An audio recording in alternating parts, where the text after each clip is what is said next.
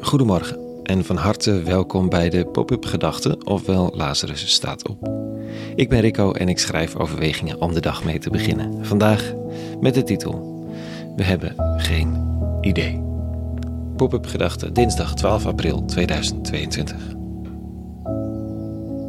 Als dat zou gebeuren, dan zou ik er echt wat aan gaan doen.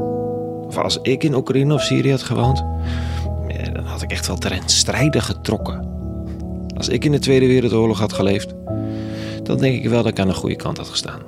Nee, ik ben geen verrader. Echt niet. Denken we. Maar we hebben geen ideeën. En met dat we dat beseffen, dat we geen idee hebben, geen idee of we aan de goede kant zouden staan, ehm, wordt het ook een beetje eng.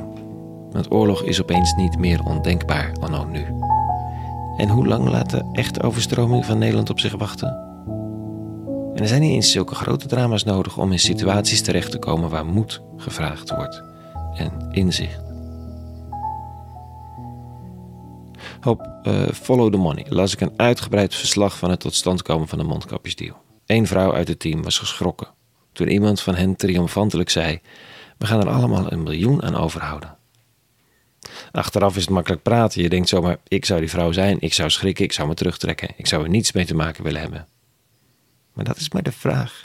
Want aan de voorkant van de situatie ziet het er heel anders uit dan aan de achterkant. Ik zou mijn positie niet misbruiken zoals de mannen bij de Voice. Ik zou. Ach, wat weten we nou? Vandaag lees ik over Petrus. Het is de week voor Pasen en die verhalen komen voorbij. Jezus heeft net gezegd dat hij ergens heen gaat waar ze hem niet zullen kunnen volgen. In elk geval niet meteen. Dan staat er: Petrus vroeg hem: Heer, waarom kan ik u niet terstond volgen? Mijn leven zal ik voor u geven.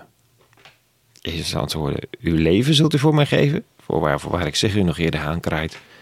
Zult u mij driemaal verlogend hebben? Tja, Petrus. Er zit zoveel schoonheid in de directheid en de felheid waarmee hij reageert. Het heeft hem uiteindelijk tot een leider gemaakt. Maar dan wel door schade en schande heen.